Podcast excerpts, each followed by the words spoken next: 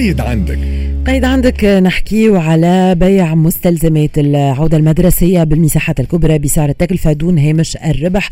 ونرجع على التدخل لرئيس الغرفة الوطنية للمساحات الكبرى سيدي بكور اللي دخل اليوم في برنامج إكسبريسو واللي قال إنه مجموعة من المواد المدرسية تباع في المساحات الكبرى بسعر التكلفة ودون هامش الربح. وهذايا من نهار 5 سبتمبر حتى لغاية 26 سبتمبر الجاري donc في الفترة هذه الناس فيها تقضي ملازم ال rentrée scolaire الكل. وقال إنه آه، الغرفة آه، استجابت لنداء رئيس الجمهورية لتخفيض في الأسعار والغرفة تتفاعل في إطار العودة المدرسية وتحاول تحسن القدرة الشرائية للمواطن. حاجة مهمة اليوم بما أنه نعرفوا أنه الظروف صعيبة وظروف المادية صعيبة وأنه الكلفة نتاع ال rentrée scolaire ولات تثقل كاهل الولي وبين كيف كيف أنه العديد من الأدوات المدرسية الموجودة في المساحات الكبرى فيها تخفيضات. donc اليوم للناس اللي قاعدة تقضي لصغيراتهم ولا آه، يعني pour لا كل ما لازم العودة المدرسية. اليوم يمكن نلقاهم بأرفق الأسعار في المساحات الكبرى entre بما أنه كما قلنا يتباعوا آه، مستلزمات ومواد العودة المدرسية بسعر التكلفة دون هامش الربح كما قلت من 5 سبتمبر حتى لغايه